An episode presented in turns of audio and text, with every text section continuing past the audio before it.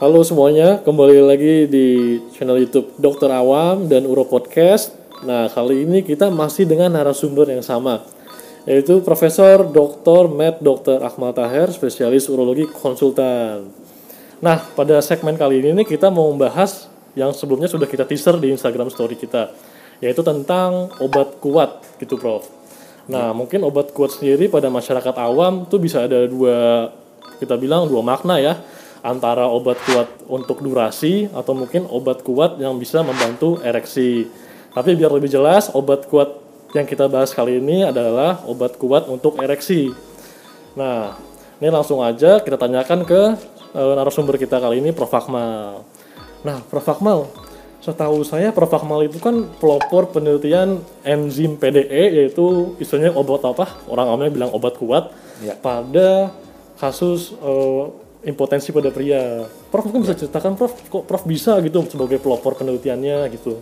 Waktu itu sebelum itu sebelum tahun mungkin ya 90-an atau 80-an awal itu orang selalu menyebab menga- mengatakan bahwa gangguan ereksi itu cuma gangguan pikiran aja. Nah, pada saat itu mulai banyak penelitian ilmu dasar di kedokteran yang mencoba mencari. Ternyata faktornya leb- jauh lebih banyak yang faktor bukan bukan hanya faktor pikiran. Yaitu apa? Pokoknya semua proses yang menyebabkan eh, gangguan aliran darah ke penis itu akan menyebabkan bisa gangguan ereksi. Oke. Yaitu apa? Kalau misalnya pembuluh da- pembuluh darahnya jadi kecil. Jadi kecil itu waktu apa sih? Ya faktor risikonya biasanya kalau orang eh, gangguan metabolisme lemak, kolesterol tinggi, orang diabetes, semuanya itu eh, dasarnya adalah memang eh, ininya kecil pembuluh darahnya. Nah, Prof juga bilang bahwa zaman dulu itu katanya condong kalau nggak bisa ereksi itu lebih ke arah pikiran. Ya. Dan baru kemudian diteliti ternyata banyak enzim-enzim enzim yang berperan. Ya. Itu tahun berapa Prof mulai meneliti itu enzim-enzimnya? Kita eh, saya meneliti itu di eh, awal eh, 90-an sampai 90-an. selama tiga tahun. Hmm. Memang kita meneliti jenis-jenis apa Hmm. enzim yang berpengaruh pada eh, pelebaran otot polos pembuluh darah itu. Hmm. Oke. Nah, kita dapat waktu itu jenis-jenis enzim apa yang berpengaruh. Itu yang kita dapatkan. Hmm. Sehingga kalau kita kasih antinya terjadi pelebaran pembuluh darah. Hmm. Sehingga karena tadinya tuh eh, gangguan ereksi itu ada pembuluh darah nyempit, kita kasih obat ini dia akan bisa melebar sehingga terjadi ereksinya bisa terjadi lagi. Oke. Kira-kira seperti itu. Jadi memang obat ini khusus untuk melebarkan pembuluh darahnya, Prof ya. Iya. Biar banyak aliran darah ke penis sehingga bisa melakukan ereksi. Iya. Nah, ini juga ada yang menarik, Prof. Mungkin kalau kita berbicara tentang gangguan ereksi, saya sempat baca juga itu ada jurnal dari Amerika kalau nggak salah usia 40 sampai eh, 70 tahun katanya sebanyak 40% yang terdapat gangguan ereksi. Berarti kan banyak sekali itu, Prof. Kalau di Indonesia tuh prevalensinya ada nggak, Prof? Kejadian gangguan ereksi pada pria Indonesia? Eh, gini, kita belum berhasil melakukan survei yang menyeluruh di masyarakat sehingga ada gambaran yang sebenarnya di masyarakat umur berapa itu belum dapat di Indonesia. Tapi kayaknya sih angkanya sama aja di luar sama dengan di luar. Peaknya itu angka antara 50 sampai 60 tahun yaitu puncak di mana orang sebenarnya eh, sudah mulai banyak yang gangguan ereksi dan masih merasa memerlukan aktivitas seksual. Nah, nah, ini mesti dibagi, dibagi tapi kalau penyebabnya itu adalah eh, terutama gangguan pikiran itu usianya lebih muda. Oke. Kalau yang kita bilang cerita tadi kebanyakan bikin di 50-an itu itu karena memang faktor risikonya itu yang naik sebenarnya. Hmm, berarti walaupun peaknya 47 tahun, berarti 20 tahun juga bisa kena berarti Prof? Bisa. Bisa. Kalau kita lihat orang 20 tahun, 25 tahun datang ke kita dengan gangguan ereksi, eh, kita bilang 80-90% kemungkinannya adalah ini pasti psikogenik atau karena pikiran. Karena pikirannya. ada juga yang muda tapi betul-betul masalah organik, ada kelainan bawaan dan itu itu nggak banyak. Berarti buat yang muda-muda, mumpung masih muda, nggak usah banyak pikiran ya. Masih jauh umur gitu. Oke Prof, nah sekarang kita terjun ke spesifik obatnya nih Prof. Ya, Kan banyak sekali obat generik yang dijual, itu contohnya sildenafil gitu Prof. ya, ya. Nah mungkin Prof bisa cerita sedikit mengenai mekanisme obatnya nih, bagaimana tadi Prof bilang bisa melebarkan pembuluh darah pada penis. Pada dasarnya sildenafil itu yang kita bilang PDE 5 inhibitor itu, Hmm. sildenafil itu kerjanya ada melebarkan pembuluh darah. Apa kelebihannya? Itu bisa minum per oral, di- diminum gitu. Hmm. Jadi kan mudah dipakainya. Dan wak- waktu diminum dia lebih bekerja pada otot-otot yang ada di penis saja lebih banyak. Karena kalau dia bekerja pada semua otot yang lain, itu kan bisa efek sampingnya banyak. Ini enggak bisa diminum sederhana, kemudian obat itu lebih bekerja di otot polos sehingga efek sampingnya kecil, otot polos penis maksud saya. Nah, dengan itulah eh, terjadi pelebaran pembuluh darah ke penis, darah banyak masuk ke sana, kemudian terjadi ereksi. Baik, kalau seperti itu. Nah, tadi Prof bilang juga ini berarti kan enak diminum. Memangnya yang suntik ada Prof, obat suntik? Ada. Ada. Jadi ada eh, obat-obat yang bukan golongan ini, tapi eh, caranya dikasih adalah eh, kita suntikan langsung ke penis, Hmm. kemudian dia melebarkan secara lokal pembuluh darah di penis sehingga ereksi juga terjadi. Oke, nah untuk obat kuat sendiri Prof, bagaimana sih sebenarnya cara minumnya? Apakah itu harus seumur hidup atau mungkin bisa setiap ingin melakukan kegiatan seksual aja gitu Prof minum obatnya? Gini, eh, yang obat yang oral yang minum itu kita kasih biasanya eh, ada dua pilihan. Ada yang on demand atau yang hanya dipakai setengah jam atau sejam, sebelum kita melakukan aktivitas seksual itu diminum. Tapi eh, ada juga yang dosisnya kecil tapi diminumnya tiap hari. Sehingga kalau dia melakukan aktivitas seksual itu rasanya kayak lebih, kan akan lebih alamiah. Karena nggak usah menunggu minum obat dulu, menunggu da- dampaknya baru kita melakukan aktivitas seksual. Ke- Kedua kalau yang injeksi sudah tentu hanya waktu eh, diperlukan. Jadi tergantung kondisi setiap orang juga berarti Prof ya, Ya. untuk tentukan kapan obatnya, injeksi atau minum begitu. Tapi prinsipnya kita akan mulai dengan yang minum. Mulai dengan Karena ini. itu yang paling sederhana, paling mudah dilakukan. Kalau itu nanti responsnya nggak terlalu bagus setelah dosis maksimal minum, Hmm. baru kita pindah. Baik. Tapi yang lebih penting dari itu mesti diketahui oleh eh, para pendengar ini adalah eh, kita sebenarnya yang paling prioritaskan adalah pertama kali mencari penyebab atau faktor resiko. Kalau dia diabetes, diabetesnya mesti terkontrol. Kalau dia hipertensi, hipertensinya mesti diobatin. Betul. Cara hidupnya yang nggak sehat, yang eh, katakan aja terlalu banyak gizi yang makan-makan yang kolesterol tinggi dan sebagainya, itu mesti dibetulin. Pada beberapa orang hanya dengan mengubah itu aja, kalau kalau gangguan ereksinya ringan, itu bisa sembuh seperti semula tanpa obat. Oke. Nah, kita sudah tadi membahas tentang administrasinya atau cara minum obatnya. Efek sampingnya nih Prof, kayaknya nggak afdol kalau kita nggak bahas obat tanpa efek samping.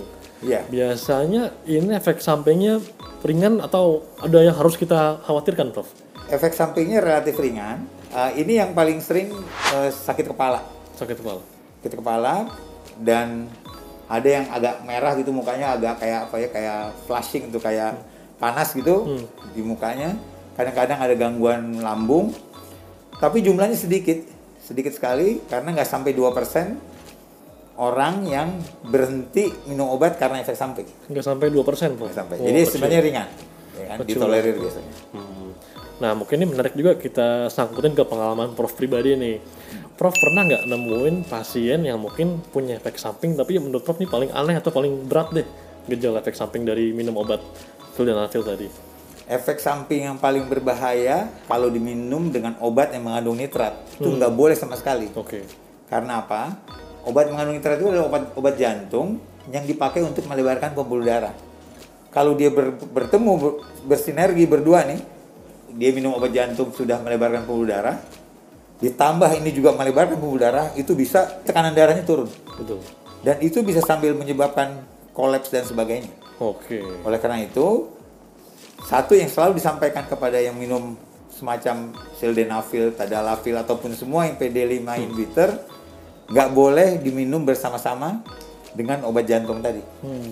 Karena banyak tuh obat jantung yang ditaruh di bawah lidah, kan Betul, pernah- Bro. pernah dengar ya? Betul. Itu nggak boleh tuh sama-sama ini. Oke, baik baik.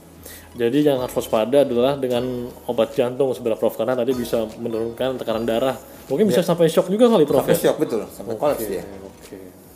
Nah, ini karena kali ini kan kita membahas obat yang untuk ereksi Prof ya. Ya. Nah, obat PDE5 inhibitor tadi itu sebenarnya memberikan manfaat nggak sih pada kasus dengan gangguan tadi kita bilang seperti ejakulasi prematur? Bisa. Jadi gangguan eh, obat eh, PD5 inhibitor ini eh, terbukti juga ternyata juga bukan hanya berpengaruh kepada bagusnya ereksi, tapi ternyata bisa memperlama e- ejakulasi. Berarti two in one ini sebenarnya Prof ya, Iya, obatnya. two in one, ya betul. Oke.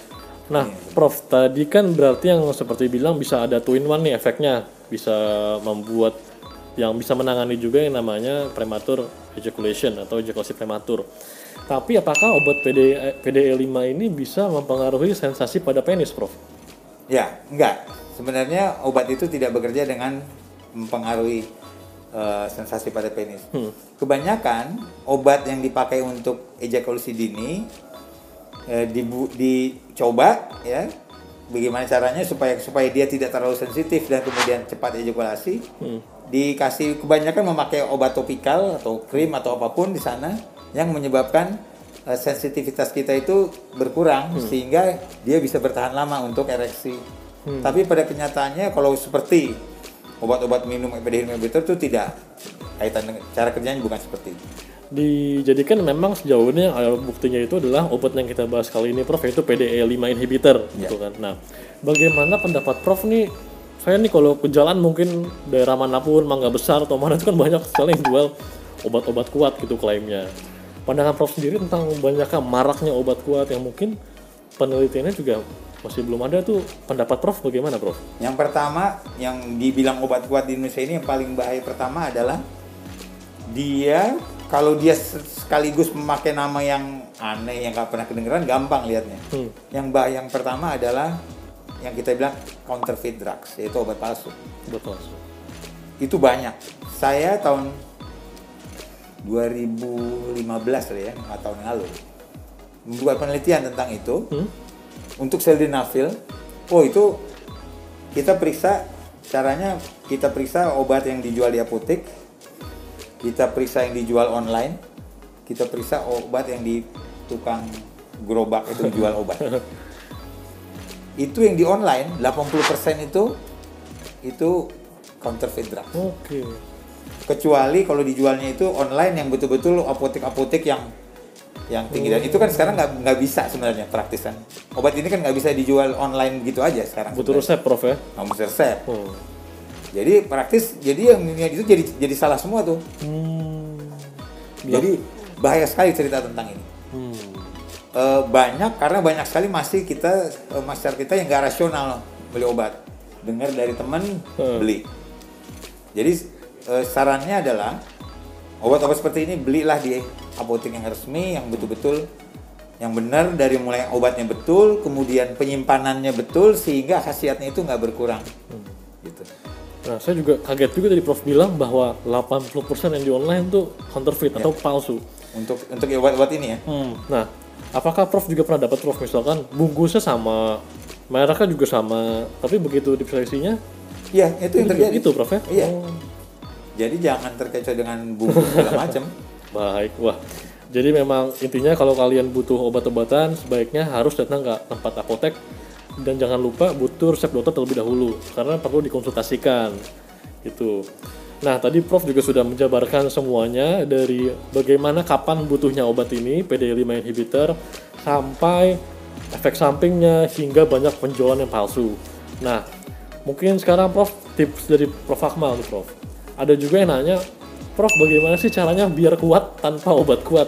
Yaitu mungkin tanpa PD5 inhibitor ini. Jadi hidup yang eh, sehat itu kita artikan dengan aktivitas fisik, olahraga yang teratur, yang cukup bagus, dosisnya caranya benar, dosisnya betul, olahraganya itu akan sangat membantu. Kedua, makanan. Apalagi kalau memang kita sudah punya faktor risiko diabetes, kemudian kolesterol dan sebagainya. Nah, satu yang paling ini adalah merokok. Itu sangat jelas dampaknya terhadap gangguan ereksi.